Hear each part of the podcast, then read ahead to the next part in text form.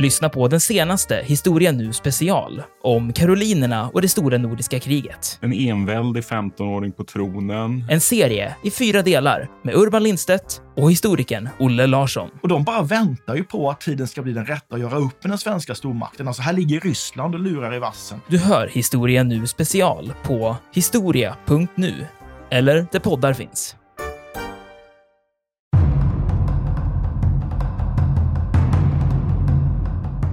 Churchill är då med närvarande vid de här ledningscentralerna. Och där han liksom frågar så här, okej okay, hur många plan har ni nu i luften? Då, då be, be, berättar de det för honom. Vi har nu satt upp, låt säga 300 plan i luften. Okej, okay, finns det eh, eh, några reserver? Frågar Churchill. Och svaret blir nej, finns inga reserver. Och då kan man ju tro så här, ha, de hade inte fler plan. Men så var det ju inte. Utan de satte ju in så många plan som de visste att det här förluster tål vi. Sätter vi in 300 kommer vi ha de här förlusterna ungefär. Och vi kommer att åsamka tyskarna tillräckligt mycket förluster.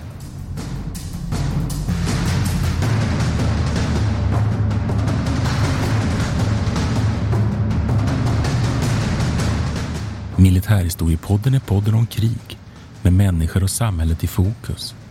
Programledare är Martin Hårdstedt, professor i historia vid Umeå universitet och Peter Bennesved, doktor i idéhistoria.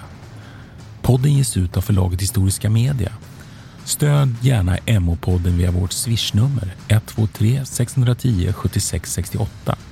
Märk betalningen med MH-podden.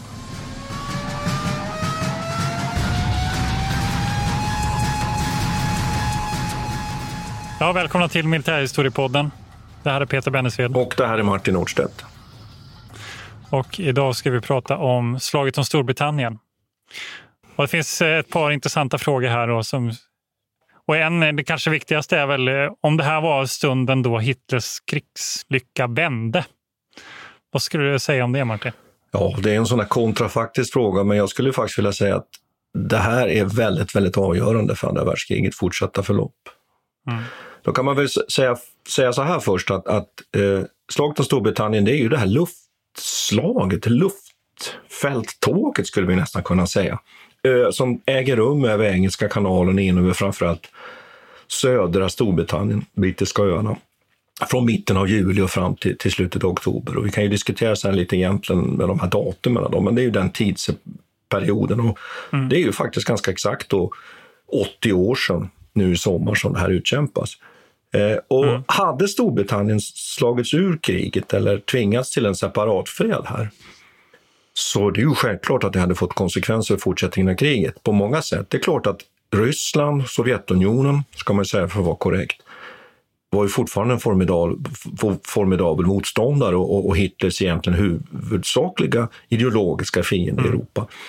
Men det är ju tveksamt om USA hade kommit med och britternas också hela potential, ekonomiska mm. potential och sen så småningom förmåga ju att, att, att verkligen bidra till krigsinsatsen mot, mot Tyskland, mm. trots att man inte liksom egentligen hade en jättestor landarmé att sätta in. Då. Så självklart svaret är ja, detta var oerhört avgörande för andra världskriget. Men den där frågan om, den där frågan om när slaget om Storbritannien slutar, den, den tycker jag är lite, den är lite intressant. Därför att man säger att liksom officiellt så slutar de här mest intensiva då, bombningarna av, av de brittiska öarna i slutet av oktober. Men egentligen är väl det lite fel att säga det. Jo, jag tycker att det, där, det är en intressant eh, invändning också. Att, och det här är någonting som är ganska typiskt för hur vi ser på militärhistoria och civil historia också. Att eh, så fort, eh, det som händer är ju inte att slaget tar slut egentligen, utan det, eh, det som händer är ju att tyskarna byter strategi och börjar bomba civila. Och då inträder någonting som man i brittisk histori, eh, historisk forskning börjar kalla the blitz, eller blitzen. Eh, och det var så man också eh, beskrev det under sin tid. Men tyskarna till exempel har ju inte använt den typen av kronologisk invändning, eh, eller begränsning, för de har sett det som en kampanj egentligen som pågår fram till maj 1941. Och, det handlar ju, ja, precis. Vad är det som, eh, varför slutar slaget i oktober? Ja, det, det, gör det ju inte, utan det är bara det att det är en helt annat, eh, ett helt annat sätt att bedriva krig. Då, då är det civilbefolkningen som lider mest. Ja, då kan man säga att de här bombningarna av London som, som du säger, som ju, som ju brukar få mm. beteckningen då blitz, och det var ju liksom en anspelning egentligen lite på mm. på Hitlers då, anfall på, på Polen och Frankrike som nu mm. utsattes britterna av detta. Britterna har ju alltid haft sån där humor, så de, nu blir vi utsatta för det här anfallet. Då. Kanske mm. då med undertonen, titta hur det går, det går inte så bra och sådär. Eh, och det, det, pågår ju i stort sett under september, men sen som du säger så fortsätter, fortsätter ju det här. En, en slutpunkt skulle vi i och för sig kunna vara då 17 september när man ställer in då den här landstigningsoperationen som ju kallades då för Sea Lion eller Sjölejon, Operation Sjölejon. Det var ju så att säga den tyska anfallet och landstigningen på Storbritannien. Och det var ju det, var ju det som hela den här flyganfallet på Storbritannien det syftade till, det var ju att, att göra det möjligt att landstiga på de brittiska öarna. Så mm. där har man väl en slutpunkt. Mm. Men jag tänker till exempel på en sån här sak som, som de, de här enorma bombningarna av Coventry, en, en industristad mm i mitten av, av eh, Storbritannien. Och, eh, jag, minns, jag har faktiskt ett personligt eh, minne lite av det där. Min, min, min pappa, då, min, min avlidne far, han, han pratade mycket om det där med Coventry, kommer jag ihåg. Och, och, och katedralen i Coventry. Han hade en bild på mm. väggen hemma just om, där det då fanns ett, ett, ett, ett kors inne i, i, i Coventry och det var för, förlåt oss, alltså liksom någon form av gemensam förlåt, ställelse för att vi ställde till det här kriget och tyskar och britter. Det kommer jag ihåg gjorde starkt minne. Mm ett starkt minne för mig när jag var, var, liten. just det där. Och det sker ju i november, mm. så sent. Så att det är viktigt, tycker jag, mm. som du säger, jag tycker du har en väldigt viktig poäng här, att vi får aldrig glömma bort att det handlar inte bara om de här eh, befälhavarna, militärerna som bestämmer och det är direktiv hit och det är order dit, utan det finns ju liksom en, en civil mm. verklighet. då.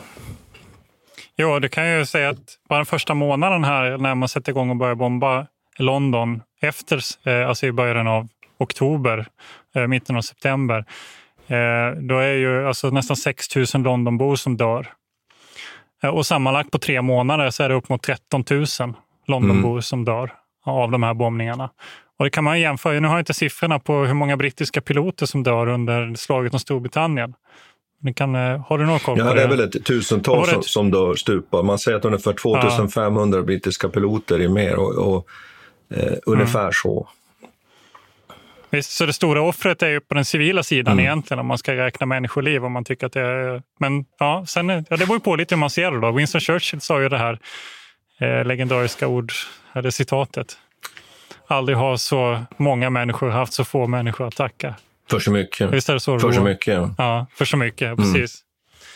Eh, så visst är det så. Man räknar med att 2500 brittiska piloter deltar sammanlagt i Eh, och det är ju egentligen väldigt få, det är ju den omsättning man har ungefär. Mm. Och man, man har i luften ungefär 600, ungefär, eller stridsdugliga för operativ tjänst och 600 eh, stridsflygplan samtidigt då på gång. Så det är ganska, ganska det, man förstår ju det här, det här talets liksom innebörd, att det är ju verkligen få, få stycken individer, unga män, som ju faktiskt står för den här insatsen. Då. Så att hela det här slaget mm. om Storbritannien har ju också haft ett enormt romantiskt Eh, får man ju säga då, med, med viss rätta ändå måste jag väl ändå säga. Skimmer omkring sig mm. naturligtvis. Men mm. jag är lite tillbaka på de där civila offren. Visst räknar man med att ungefär 40 000 dör i Storbritannien sammanlagt Ja, men precis. Under om, du räknar över hela, om du räknar över hela perioden då, fram till 1944 eller när de är avslutade. De, det, det har ju lite olika faser då.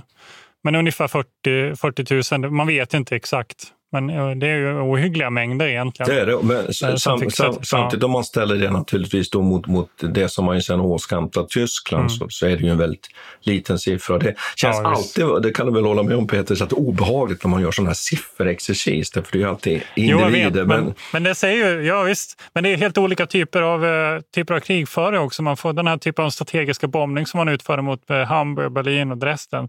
Den var ju massiv på ett helt på ett annat, annat sätt. sätt. Var, jag menar, mm. Det är mm. klart, nu pratar vi vi eh, blitzen jag menar, mellan, vad var det, mellan 60 upp till 300 flygplan varje gång i 57 dagar i sträck egentligen. Mm. Eh, som kom varje natt. Man övergick till nattbombning. Så det är klart att det, det var ju, jag menar, det var ju hemskt va? Eh, på alla sätt och många människor dog. Men, men den, det går inte att mäta sig ens med den strategiska bombningen man gör mot sen mot Hamburg och Dresden. Nej, nej, och då, då ska vi vara klara. Mm. Ja, då är det ju hundratusen som dör i ett bräde. Jo, jo. Liksom. Det, det, är ju helt, en helt, annan, helt dimension. dimension. Och, och den här siffran 40 000, det är, ju, det är ju för hela kriget, inte bara för de här månaderna. Det är viktigt.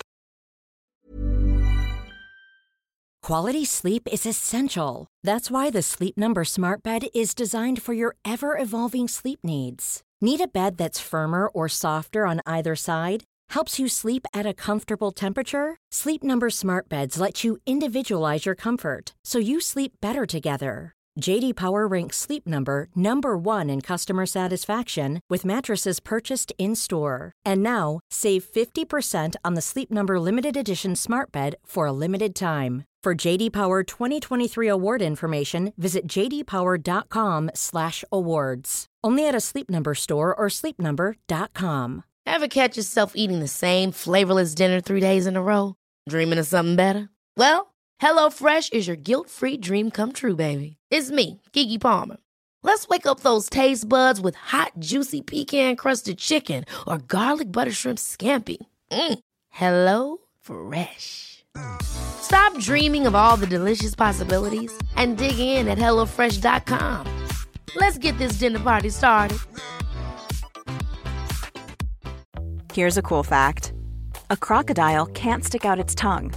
Another cool fact you can get short term health insurance for a month or just under a year in some states.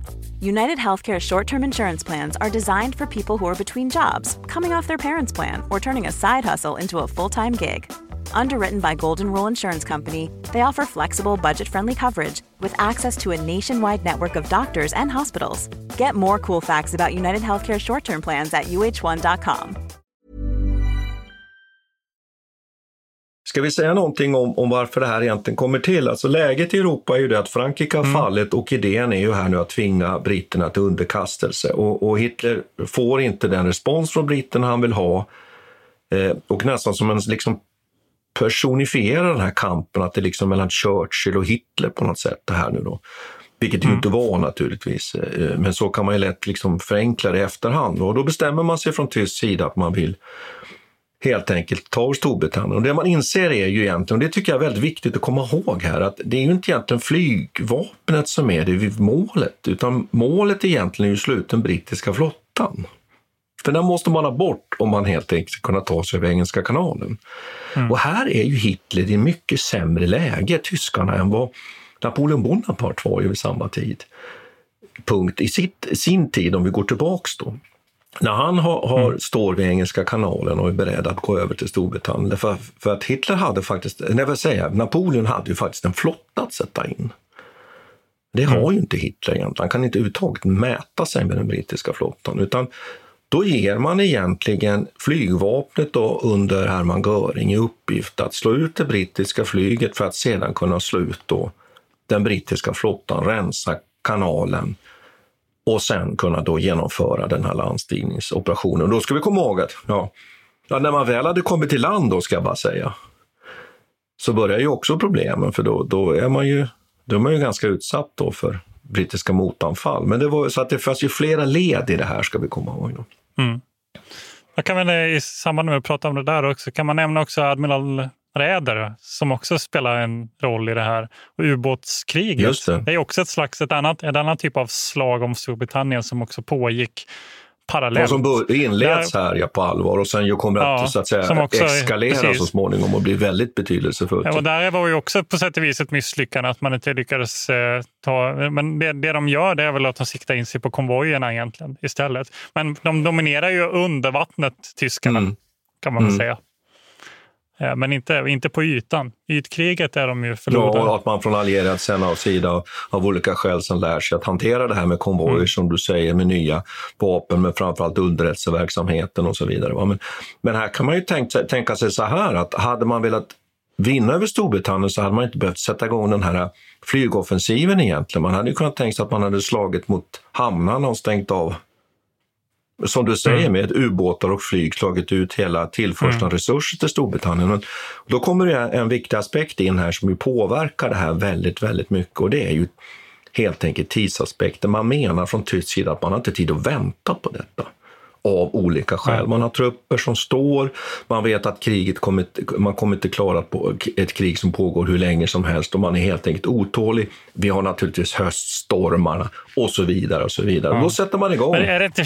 Vad säger du? Att det är klassiskt? Precis. Det är klassiskt. Men är, är det inte, ja, precis. Men är det inte Schliffelplanen all over again, tänker jag? Alltså det, man, de, de vill inte bedriva krig på två fronter. De vill ha det här överstökat på en gång. Ja, och för att sen Eller kunna hur? naturligtvis ta hand om det som man egentligen är ute ja. efter och det är ju Sovjetunionen. Precis, men, men där, jag tycker att en annan viktig aspekt här också är att nu, nu ser vi plötsligt en tysk eh, krigsmaskin som börjar improvisera. Här finns inte liksom någon taktisk idé om hur man ska vinna. Vi har varit inne i tidigare avsnitt och pratat väldigt mycket om eh, deras pansarkrigföring som ju var så genomtänkt hur man mm. skulle göra.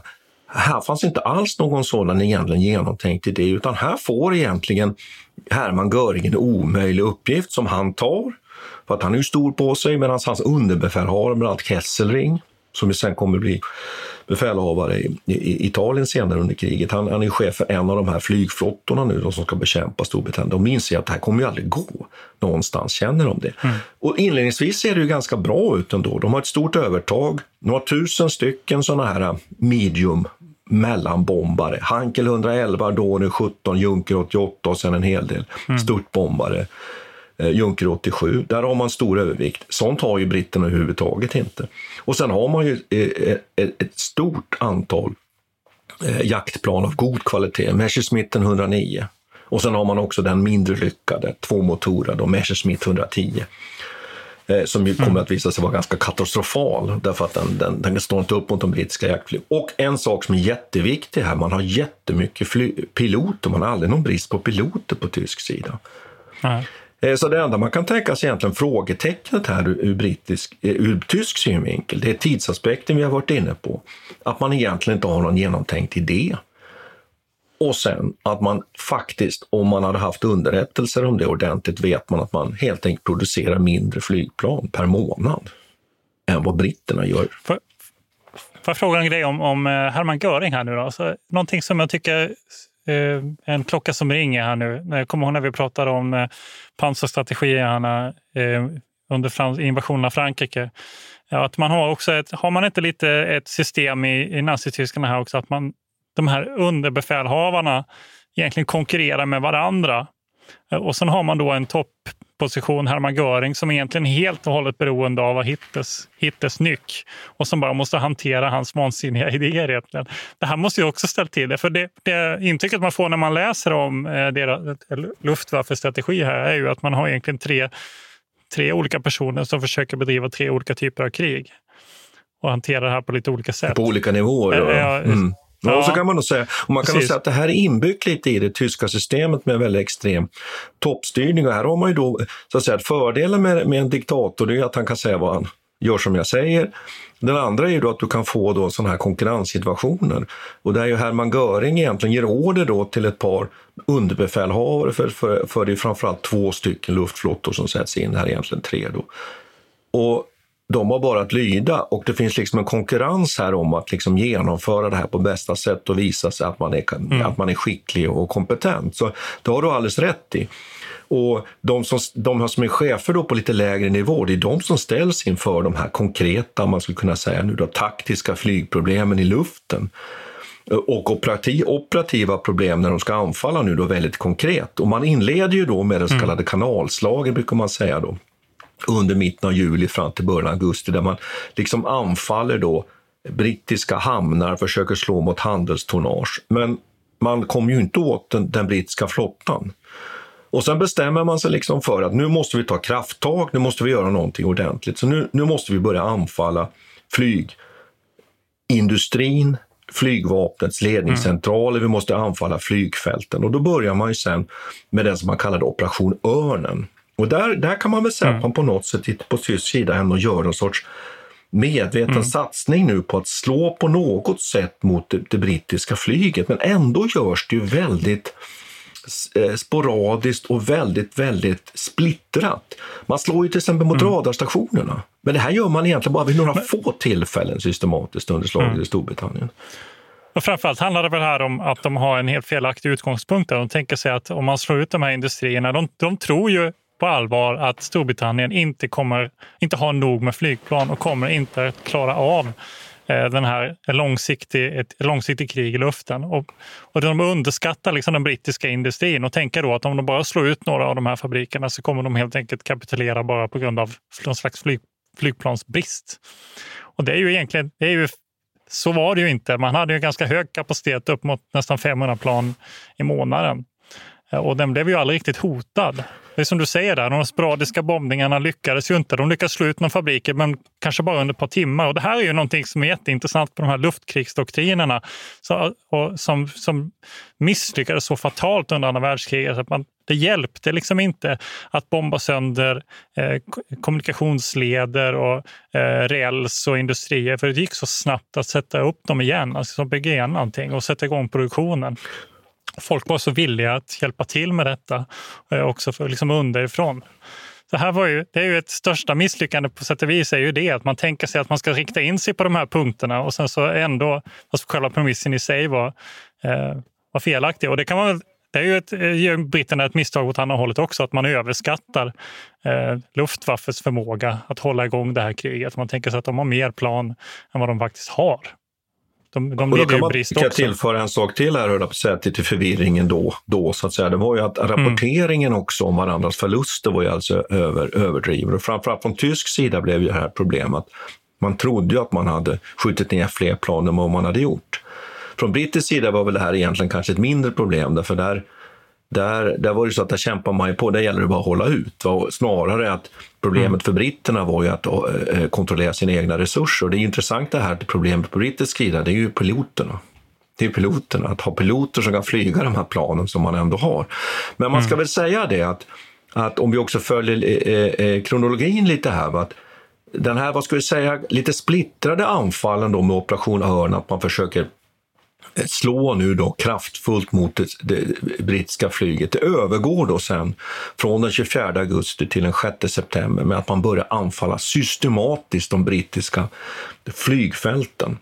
Och där slår man ju ut faktiskt. Och där kan man säga att under den där perioden, där, slutet av augusti, början september, där vacklar det brittiska försvaret. Därför att där börjar förlusterna överstiga både produktion av plan, som du har varit inne på, men framförallt att man inte har mm. piloter till slut. Och också att tyskarna, kanske utan att de vet om det, det här, det här är lite oklart hur mycket man exakt vet på tysk sida, man slår ut en mm. del av de här flygfälten egentligen fullständigt. Du tar ju det här klassiska Biggin Hill till exempel utanför London som är det. Mm. Och här tycker jag att det infinner sig någonting mycket, mycket spännande då att det där, det är där någonstans som det här, det här slaget, fältet, slaget i luften avgörs. För här fattar ju tyskarna det här ödesdigra beslutet får man ju säga att nej men här, det här räcker inte, vi kommer inte hinna knäcka dem här. Utan nu måste vi göra någonting genialt. Vi måste lura ut, upp ska man väl säga, lura ut, lura upp mm. de brittiska flygplanen. Vi anfaller London. Och det bestämmer man sig för och börjar då, som vi redan har varit inne på, då, det här, då inleds mm. ju på allvar den här blitzen liksom, i början mm. på september. Och, och det faller ju helt fel ut. Ja. Och här måste man... Jag, jag måste fortsätta. Och då, precis, då tror de att de har den här bristen. Liksom, att när som helst, om vi bara lurar upp de här sista planen här nu så är det kört Ja, och då kommer de göra bort sig. För nu vill de försvara London de mm. personifierar ju britterna med Churchill. Nu kommer Churchill att vilja mm. försvara London till varje, sprit, varje pris då för att hålla uppe eh, krigsmoralen i Storbritannien. Och så gör ju britterna, går inte i denna fälla. Och det finns ju en sån här klassiskt moment, momentum då när under, här, under eh, slaget om Storbritannien och, och där ju Churchill är då med närvarande vid de här ledningscentralerna vi kan prata mer om dem strax, för det tycker jag också är väldigt spännande. Mm. Och där han liksom mm. frågar så här, okej, okay, hur många plan har ni nu i luften? Då, då be, be, berättar de det för honom. Vi har nu satt upp, låt säga 300 plan i luften. Okej, okay, finns det eh, eh, några reserver? Frågar Churchill. Och svaret blir nej, finns inga reserver. Och då kan man ju tro så här, ha, de hade inte fler plan. Men så var det ju inte. Utan de satte ju in så mm. många plan som de visste att mm. det här förluster tål vi. Sätter vi in 300 kommer vi ha de här förlusterna ungefär. Och vi kommer att åsamka mm. tyskarna tillräckligt mycket mm. förluster. Så det är otroligt skickligt lätt detta. Där får man väl ändå lyfta fram den här Downing som är chef för hela det här RAF och hans också eh, eh, tankar innan kriget och förståelse av det här luftkriget med att utveckla till exempel, satsa på radarsystemen som är en av de här avgörande. Och också att han fattar ett, ett mycket viktigt operativt beslut kanske till och med strategiskt avgörande blev det ju då, att ta hem och inte sätta in fler brittiska stridsflygplan över Frankrike när man insåg vad fälttåget i Frankrike liksom var här mm. och, och hur illa det kunde gå där, att han läser av det. Och det gör väl här att, mm. att britterna lyckas verkligen balansera den här situationen precis. Och det gör ju att mm. tyskarna så småningom inser att det spelar ingen roll, de här vågorna mot London, britterna fortsätter bara skicka upp ett visst antal plan och mm. så småningom så kommer, det, kommer tyskarna ingen vart. De kan inte sluta RAF. Here's a cool fact. A crocodile can't stick out its tongue. Another cool fact, you can get short-term health insurance for a month or just under a year in some states. United Healthcare short-term insurance plans are designed for people who are between jobs, coming off their parents' plan, or turning a side hustle into a full-time gig. Underwritten by Golden Rule Insurance Company, they offer flexible, budget friendly coverage with access to a nationwide network of doctors and hospitals. Get more cool facts about United Healthcare short term plans at uh1.com. Quality sleep is essential. That's why the Sleep Number Smart Bed is designed for your ever evolving sleep needs. Need a bed that's firmer or softer on either side? Helps you sleep at a comfortable temperature? Sleep Number Smart Beds let you individualize your comfort so you sleep better together. JD Power ranks Sleep Number number 1 in customer satisfaction with mattresses purchased in-store. And now, save 50% on the Sleep Number limited edition Smart Bed for a limited time. For JD Power 2023 award information, visit jdpower.com/awards. Only at a Sleep Number store or sleepnumber.com. Ever catch yourself eating the same flavorless dinner 3 days in a row, dreaming of something better? Well, HelloFresh is your guilt-free dream come true, baby. It's me, Gigi Palmer. Let's wake up those taste buds with hot, juicy pecan-crusted chicken or garlic butter shrimp scampi. Mm. Hello Fresh. Stop dreaming of all the delicious possibilities and dig in at hellofresh.com. Let's get this dinner party started.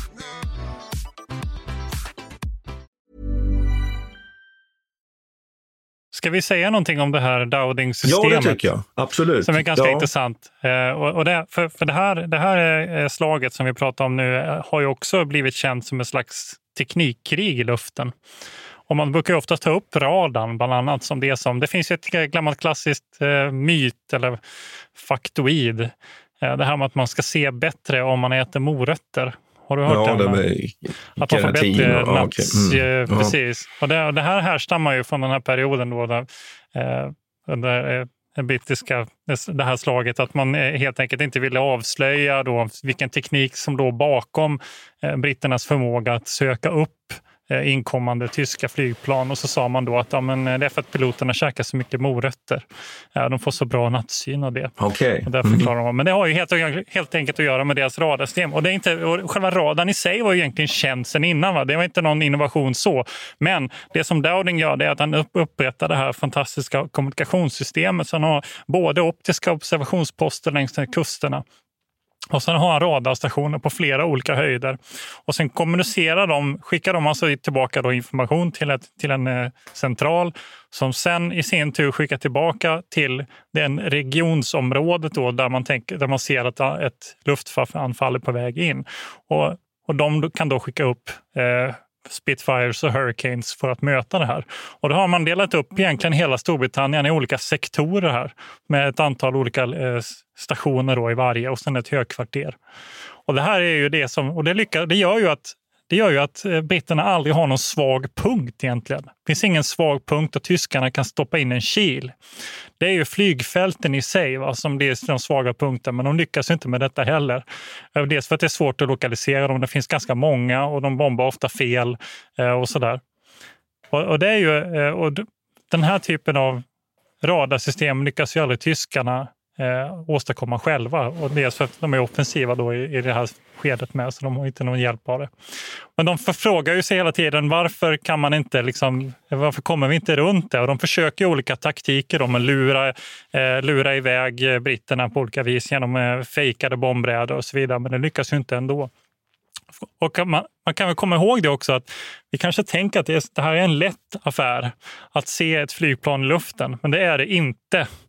Eh, att, att bara med upp till så att säga, pilot uppe i luften att lokalisera ett annat flygplan är i princip omöjligt. Och det här var ju någonting som man kämpade länge med. Eh, att, eh, finns det ens som, och en del ifrågasatte om det ens fanns någon poäng med att ha ett eh, jakt, alltså baserat jaktförband någonstans i nära en stad för att det var så svårt att hinna ifatt dem. Men eh, den här innovationen gör ju att Dowding når nästan 100 procent, alltså uppsökande. Mm. Han är alltid där med en Hurricane eh, eller ett gäng Spitfires. Och, och det ju, måste ju vara moraliskt knäckande för, för eh, luften. Ja, så kan man ju lägga till också det att när man då man, det betyder att man behöver ju också inte skicka upp plan som ligger och liksom spanar som du säger, utan man kan skicka Nej. upp dem och när de skickar upp, då kan man också veta vad, på vilken höjd tyskarna ligger. Vilket man kan ja. ofta få anfalla från solen som är klassiskt. Va? Anfalla underifrån med mm. högre fart och så vidare. Det där kan vi tillföra nu en del del, tycker jag, aspekter på det här kriget som är också väldigt viktigt. Att en, en brittisk pilot befann sig ju och försvarade ju så att säga sin fosterjord. Eh, han hade mm. eh, jämfört med de tyska piloterna egentligen obegränsat med bränsle. Tyskarna kunde bara till exempel genomföra 20-30 minuters luftstrid över Storbritannien, sen var de tvungna att vända. Mm, var tvungna ja. att vända. Mm. Eh, om man var tvungen att hoppa, vad händer då? Ja, då hamnar man sannolikt hemma och kan återgå i tjänst, kanske mm. till och med dagen efter. Det finns massor med sådana exempel på, på, på mm. just det, att det är det som händer. Att de förlusterna piloterna blir väldigt, väldigt, eh, väldigt få egentligen, eller få, de blir färre. Eh, och det här tycker jag är väldigt, väldigt viktigt att komma ihåg. Vi ska också komma ihåg en annan sak som ett tillägg till det här. att Britterna under den här perioden har ju också börjat att lära sig, och det kan vi kanske gå djupare in på i något annat tillfälle, något annat avsnitt. De har börjat kunna helt enkelt också knäcka tysk signalering och har därför underrättelser om de här stora operationerna på ett helt annat sätt. Kanske inte i det här lilla som du pratar om, sektorerna här så att säga, va? i de här tårtbitarna där man slåss. Men, men i det stora så vet man en hel del om den tyska planeringen, vilket också är viktigt.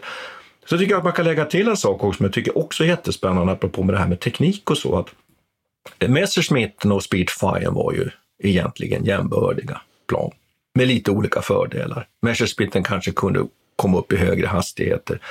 Speedfiren kanske var snabbare på att vända och lite sådana saker. Men Hurricanen mm. var, ju, var ju något långsammare än Messerschmitten och hade samma eldkraft som Spitfire. Men där var ju britterna kloka, då lät de ju Hurricanen anfalla de här tvåmotoriga bombplanen. Medan mm. Spitfire tog hand om, om den, den tyska jakten.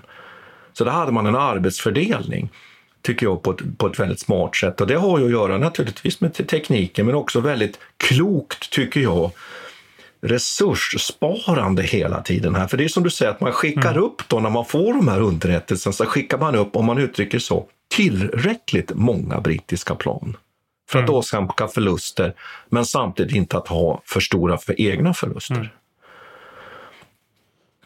Eh, jag tycker man kan ju nämna några saker här. Att, att eh, tyskarna har ju den här Messerschmitt 110, två, tvåmotorigt jaktflygplan. Den, den, jag nämnde ju det att den kommer bli, bli, en, bli en katastrof här så småningom. Den kommer att bli nattflygplan också. Så man, det är klart att man, mm. man lär sig en hel del om de här flygplanens kapacitet. Och så tycker jag vi kan kommentera en sak, att de är ju bara mellanbombplan de här som tyskarna har.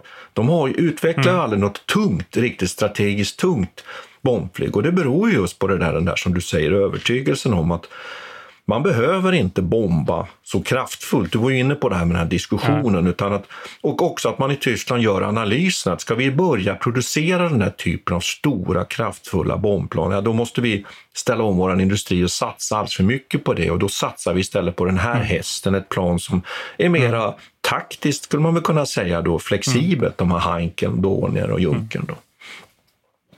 Det här är ju någonting som går tillbaka till eh, spanska inbördeskriget ja. också, kondorlegionen där. Precis. Ja, och där, där man lärde sig att Hankel 111 var ju det här dubbelmotoriga bomb, eh, mellan, eh, mellanviktsbombplanet var väldigt effektivt när det fungerade tillsammans med, med de andra jaktplanen också och kunde göra liksom strategiska bombningar.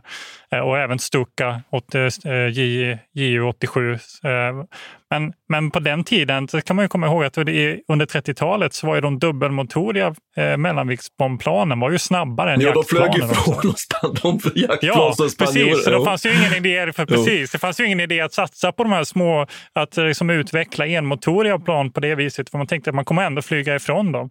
Och den här eh, strategin har man ju med sig i början av andra världskriget nu då. Men då räknar man inte med att Spitfiren sen ska bli snabbare. Och där vänder ju som gungbrädan kan man säga. Jo.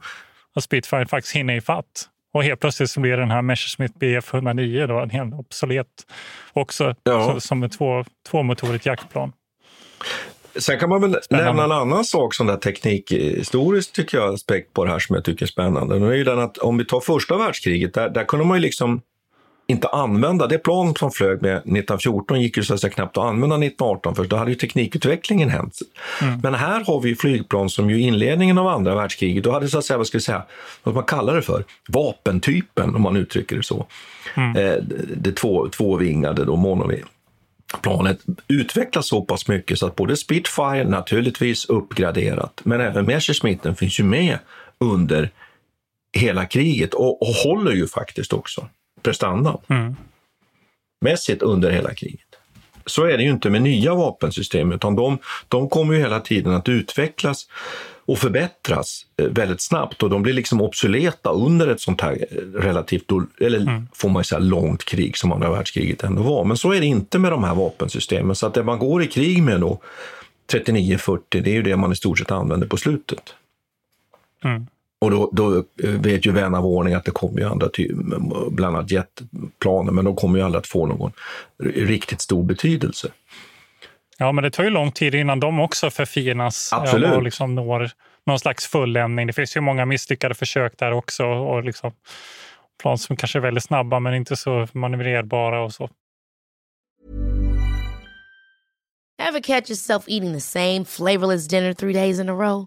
Dreaming of something better? Well, HelloFresh is your guilt-free dream come true, baby. It's me, Gigi Palmer. Let's wake up those taste buds with hot, juicy pecan-crusted chicken or garlic butter shrimp scampi. Mm. Hello Fresh. Stop dreaming of all the delicious possibilities and dig in at HelloFresh.com. Let's get this dinner party started. When you need mealtime inspiration, it's worth shopping Kroger, where you'll find over 30,000 mouthwatering choices that excite your inner foodie. And no matter what tasty choice you make, you'll enjoy our everyday low prices, plus extra ways to save, like digital coupons worth over $600 each week. You can also save up to $1 off per gallon at the pump with fuel points. More savings and more inspiring flavors make shopping Kroger worth it every time. Kroger, fresh for everyone. Fuel restrictions apply. Traffic jams, tailgating, pileups. Ugh, the joys of driving. How could it get worse? The federal government wants to have a say in what you drive. That's right. The Biden administration's EPA is pushing mandates that would ban two out of every three vehicles on the road today. Don't let Washington become your backseat driver. Protect the freedom of driving your way. Visit EnergyCitizens.org. Paid for by the American Petroleum Institute.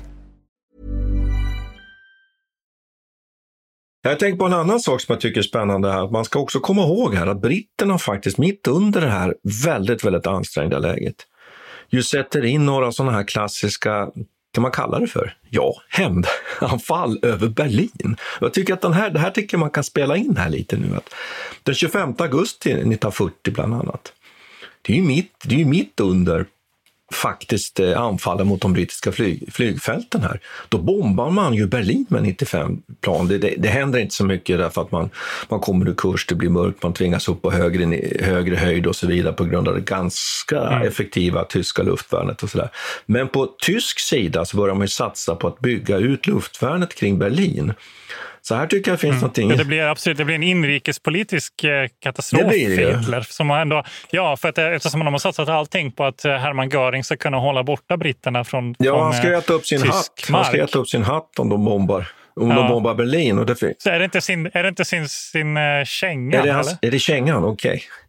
Ja, jag tror det. Att det är hans, hans högra Ja, men det visar ju hur det här var laddat. Och det här gör ju sen britterna ett par gånger ja, till. Och det här menar man ju också mm. liksom ökar, för det är ju så att Hitler, det är ju så att eh, eh, OKV och, och framförallt inte på lägre nivå på, i, i de här mm. flygflottorna får inte fatta beslut om terrorbombning av London utan det är ju fyrebeslut på det. Va? Så det kommer ju först mm. här kommer det där och en av de här skälen till det här som framtvingar det här det är ju att Hitler tycker att nu får det vara nog. Nu får det vara nog eh, med att nu bombar de också Berlin och därför så ökar vi trycket på London. Men jag skulle mm. vilja återigen upprepa det där, att det stora misstaget från tysk sida, det är ju att man övergår till det man tror ska vara de här avgörande terrorbombningarna, eller vad kan man, man skulle kunna kalla det för mm. symbolbombningarna av London.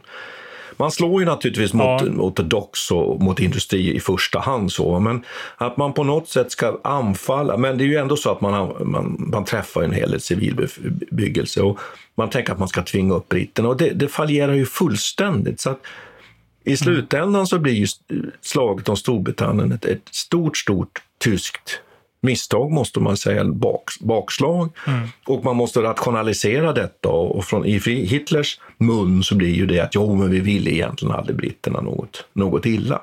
Nej. Så skulle man kunna säga. Jag skulle vilja kasta in en sak till här som jag tycker är spännande, som jag vet att jag varit inne på tidigare i våra avsnitt här. Den är ju att mm. det finns ju en diskussion om att här skulle Churchill ha gjort fred om... I vad då menar du? Jo, Churchill skulle ha skrivit fred med Hitler i det här läget. Okay. Om han hade velat rädda det brittiska imperiet. Och det är lite inte spännande, därför att att man fortsätter mm. kriget så kommer ju kriget att slita ner egentligen britternas resurser. Och så småningom mm. så kommer ju den här förändringen av världen där USA och Sovjet står fram som de stora makterna. Så att här finns det en diskussion liksom om att hade Churchill tänkt på ett annat sätt här. Han fortsätter ju kriget därför att han vill bevara mm. dels britternas ställning men naturligtvis också bekämpa Hitler-Tyskland och så vidare. Mm. Så det liksom finns två skäl där. Men det finns ju de som menar att här skulle man kunna, kunna tänka sig att han har velat bevara Storbritanniens liksom stormaktsställning då, i samexistens med då ett, ett, ett tyskt Europa. Då skulle han ha skrivit på en fred här. Och det tycker jag, jag tycker det, jag tycker ja, det är ja, jätteintressant. Ja, det, det, är väldigt, ja, och det, och det, det, finns till och med en bok som heter The End of Glory som, som driver den här faktiskt tesen okay. just att att, att eh, det är egentligen inte så att, att Churchill är liksom någon, någon hjälte som fortsätter ideologiskt mot den här onda mask, makten Hitler, ja. utan egentligen så gör han det här för att han vill, vill bevara det brittiska ja, men, imperiet, men, men, han, men han misslyckas men, med det. Men Martin, nu, nu snurrar det iväg här, tänker jag. Men är inte, är inte det här, har inte det här lite att göra med den här synen vi har på andra världskriget också, att det är en, en en kamp mellan fyra män eller fem jo, män absolut. egentligen. Men jag, jag menar, håller med dig om det. Ja, men, mm. men, i, men i, i, praktiken så är, det ju, är ju Storbritannien är ju inte en eh, auktoritär stat på det viset. Nej, nej, nej, nej. Även, om, mm. även, om det, även om det stämmer det du säger, att Winston Churchill hade en sån idé, så, så hade han ju en rad eh andra politiker runt omkring sig som, som drevs mm. kanske av andra agender. Men jag, jag, jag, alltså jag, jag, jag kan ju säga att jag håller inte, jag håller inte med om den diskussionen. Men jag, jag håller inte med, jag ja. håller inte med om att Churchill tänkte på så här sättet. Men jag tycker att det kan vara mm. intressant för, för lyssnarna att höra att det finns mm. en sån här diskussion bland, bland historiker. Ja, men absolut, men det här, är, det här är ju sånt som vi varit inne på ända sedan vi började prata om Polen ja. till exempel. Att eh, när britterna egentligen köper in sig på en utrikespolitisk linje som de kanske inte var helt bekväma med, men det var den bästa av de lösningarna de hade just då. Och detta får ju enorma konsekvenser. Det betyder att de måste, liksom, de måste ju eh, utropa krig mot Tyskland efter den polska invasionen och hamna i den här situationen trots att de kanske egentligen inte hade någon sån ambition. Och det var ju hela tiden den här önskan om att förr eller senare så kommer eh, liksom, eh, friktionen mellan Sovjetunionen och det tyska riket att gnaga sönder, att det kommer bli eh, strider mellan dem förr eller mm. senare och det, det, fick de ju också rätt i. Men då var det ju en gissning. Ja, och att det liksom den här appeasement-politiken, det är ju den du anspelar på här, att den här, den här mm. idén om att man, ja, vi går inte i krig, det kommer att kosta för mycket. Sen går mm. man i krig och det går ju på, på riktig hederlig svenska åt helvete i i, i Frankrike får man ju säga, det är Dunkerque. Mm. Och sen så får man ta smällen med slaget om Storbritannien. Och det är ju egentligen först där. Men, men där är man ju inte heller, där är man inte heller i början på, på slutet. Det är ju, inte, det är ju liksom inte slutet på, på kriget eller något. It's not even the end of the beginning, så att säga. Eller vad, är, det man, vad är han säger, Churchill? Va? Så att man ska ju komma ihåg att här står man nu liksom tomhänt. Man har knappt någon krigsmakt, man har en stor flotta och man har ett RAF som ändå har lyckats hålla emot.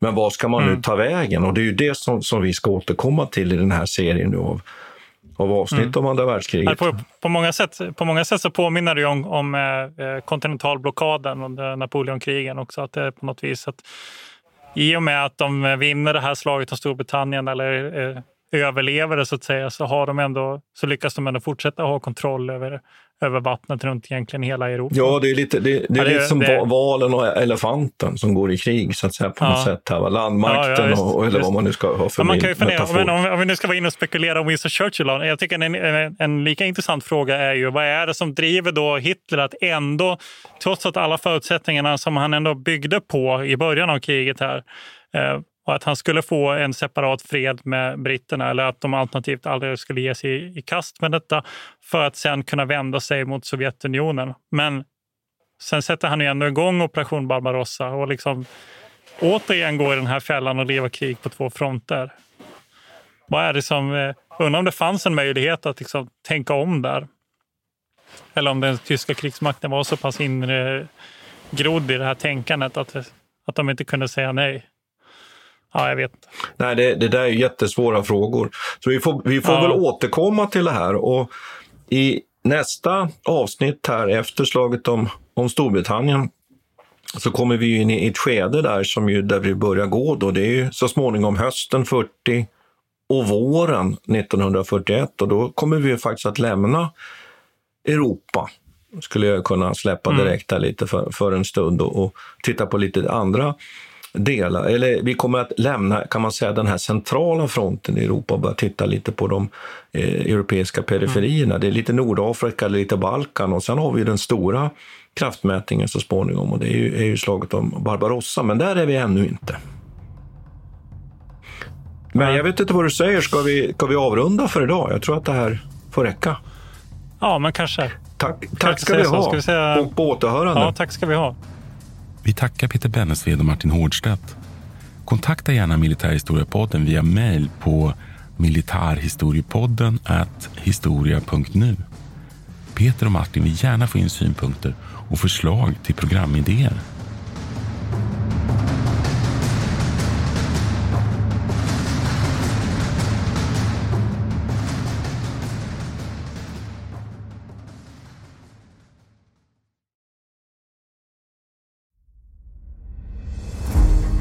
Jakob de la Gardie är den enda svenska fältherre som lett en armé till Moskva och trätt fram inför tsaren.